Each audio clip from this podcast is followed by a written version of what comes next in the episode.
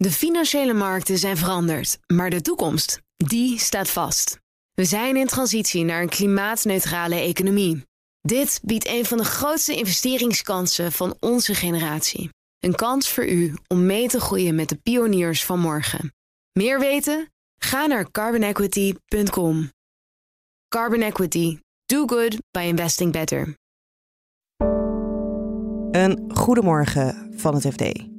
Ik ben Pauline Zwuster en het is donderdag 15 september.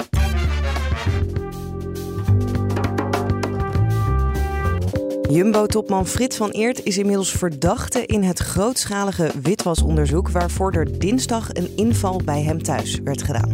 Nou, wij horen dat er in de familie wordt gedacht dat hij daar met een boete vanaf gaat komen. De cryptowereld staat voor een grote verhuizing. Het is voor het eerst dat zo'n ontzettend groot systeem in de cryptowereld wordt overgezet. En we gaan het hebben over de consumentenprijsindex. Een hele centrale variabele in die discussie. Hij komt Ja. nooit naar voren in de journaals, maar hij staat er wel, hij zit er, hij zit er altijd achter. Dit is de dagkoers van het FD.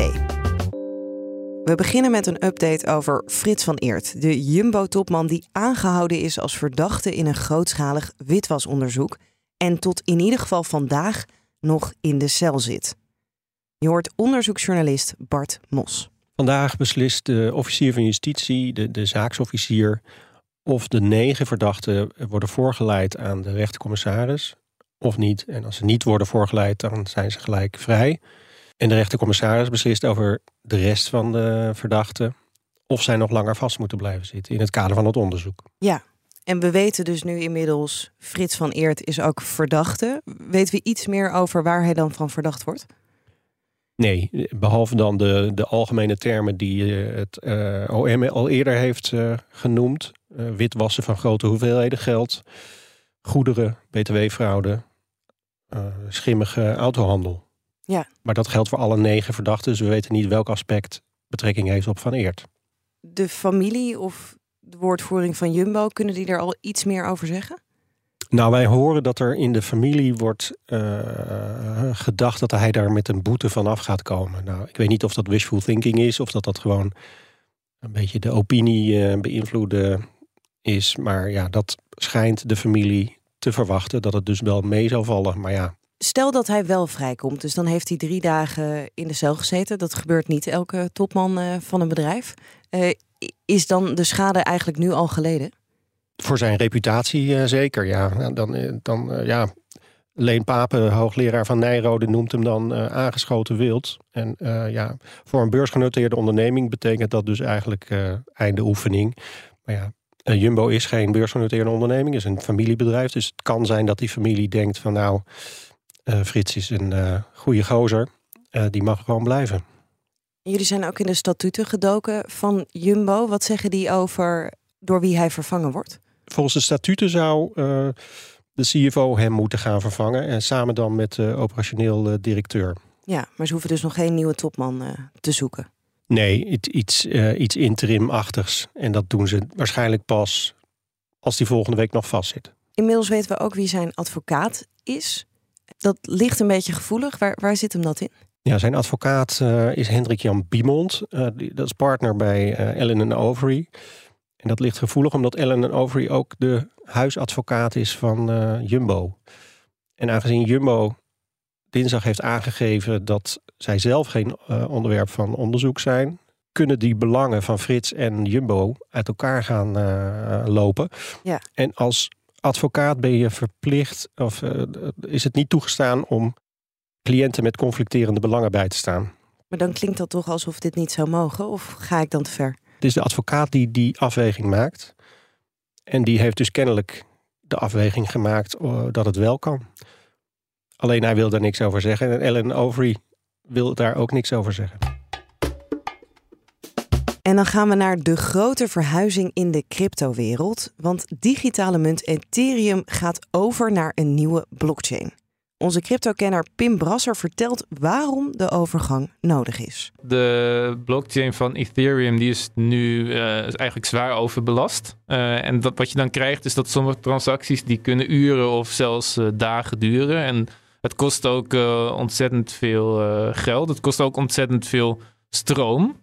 Ja. Uh, en straks met de, de nieuwe soort blockchain, die kan nou ja, veel meer transacties per seconde aan. Het kost nauwelijks stroom en het, wordt ook, een transactie wordt dan ook veel goedkoper. Dus het is gewoon een veel efficiëntere blockchain. 99,95% minder stroom. Ja, en dat heeft ermee te maken dat de, de huidige blockchain die werkt hetzelfde als die van de Bitcoin. Dus er moeten dan zware computers die moeten dan dag en nacht draaien om nieuwe blokken toe te voegen. Dat kost ontzettend veel stroom en straks hoeft dat niet meer. Dus vandaar die enorme stroombesparing. En wat gaat er precies veranderen?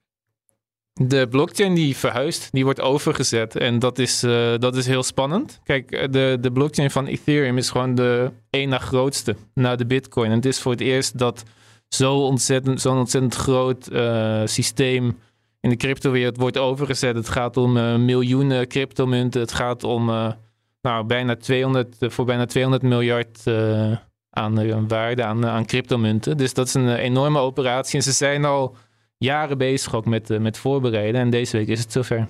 En met verhuizen bedoelen we dan eigenlijk dat de rekenmethode om een nieuwe munt aan te maken, die gaat veranderen?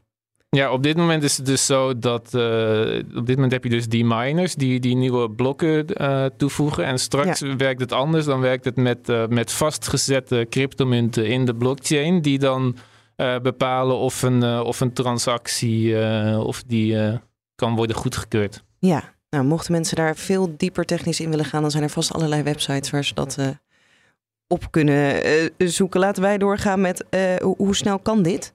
Zo'n verhuizing van de blockchain? Dat weten we eigenlijk niet precies, maar analisten van ING die hebben wel gezegd dat de, de programmeurs nachtenlang aan hun beeldscherm gekluisterd zullen zijn en dat het allemaal um, vrij uh, moeilijk zal worden. Um, die, die analisten die vergeleken het met uh, Windows upgraden, bijvoorbeeld van uh, Windows 8 naar Windows 10. Nou er gaat altijd wel iets mis. Het duurt altijd langer dan je denkt. Dus het wordt een enorme operatie. En als het lukt, wat, is dan, wat kan er dan gebeuren met Ethereum?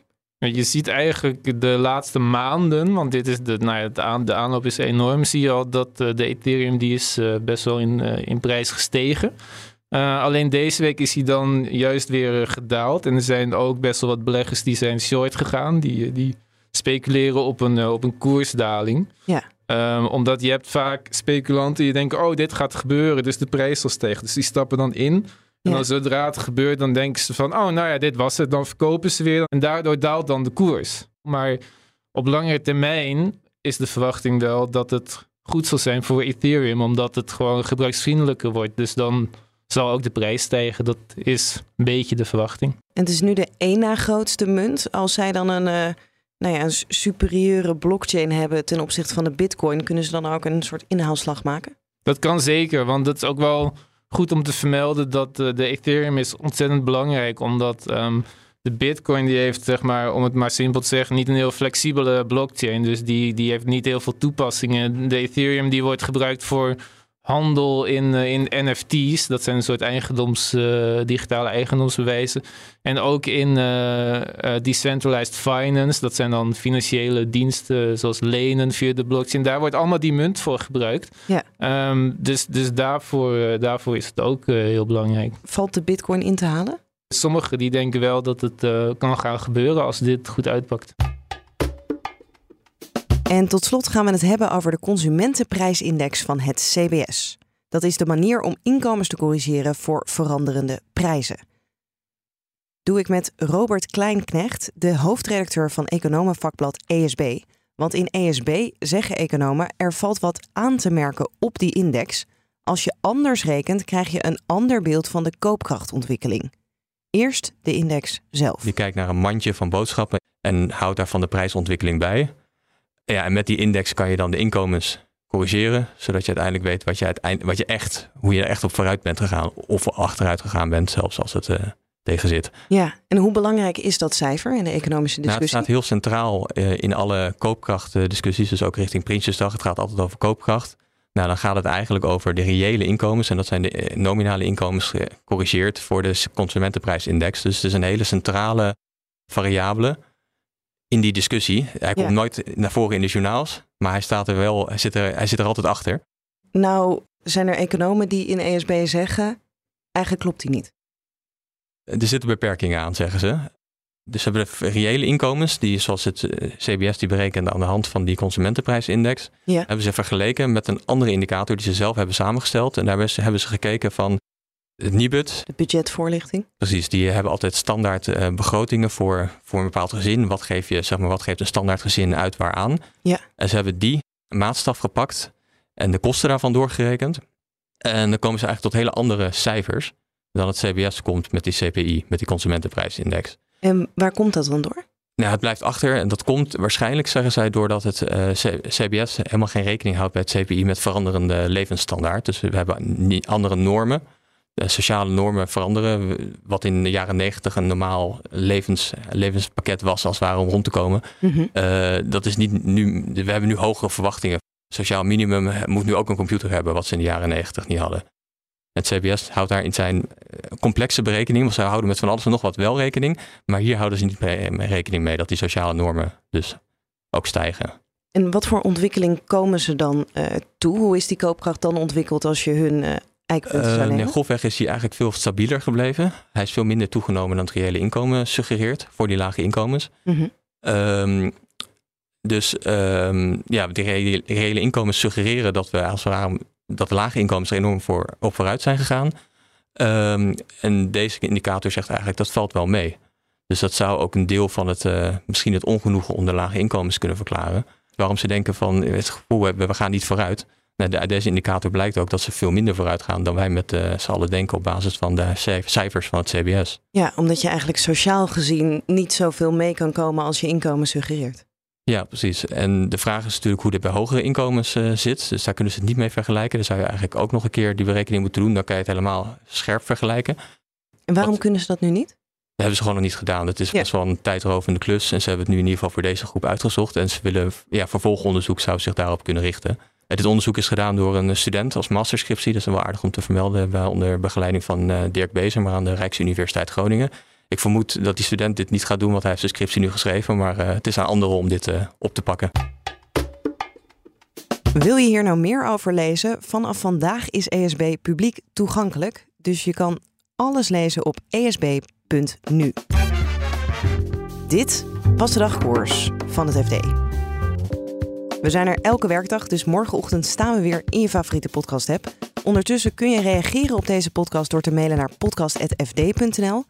En het laatste financieel-economisch nieuws volg je op fd.nl. En daar volg je natuurlijk ook al het nieuws over de verhuizing van Ethereum. Voor nu een hele fijne dag en graag tot morgen. De financiële markten zijn veranderd, maar de toekomst, die staat vast. We zijn in transitie naar een klimaatneutrale economie. Dit biedt een van de grootste investeringskansen van onze generatie. Een kans voor u om mee te groeien met de klimaatoplossingen van morgen. Meer weten? Ga naar carbonequity.com. Carbon Equity. Do good by investing better.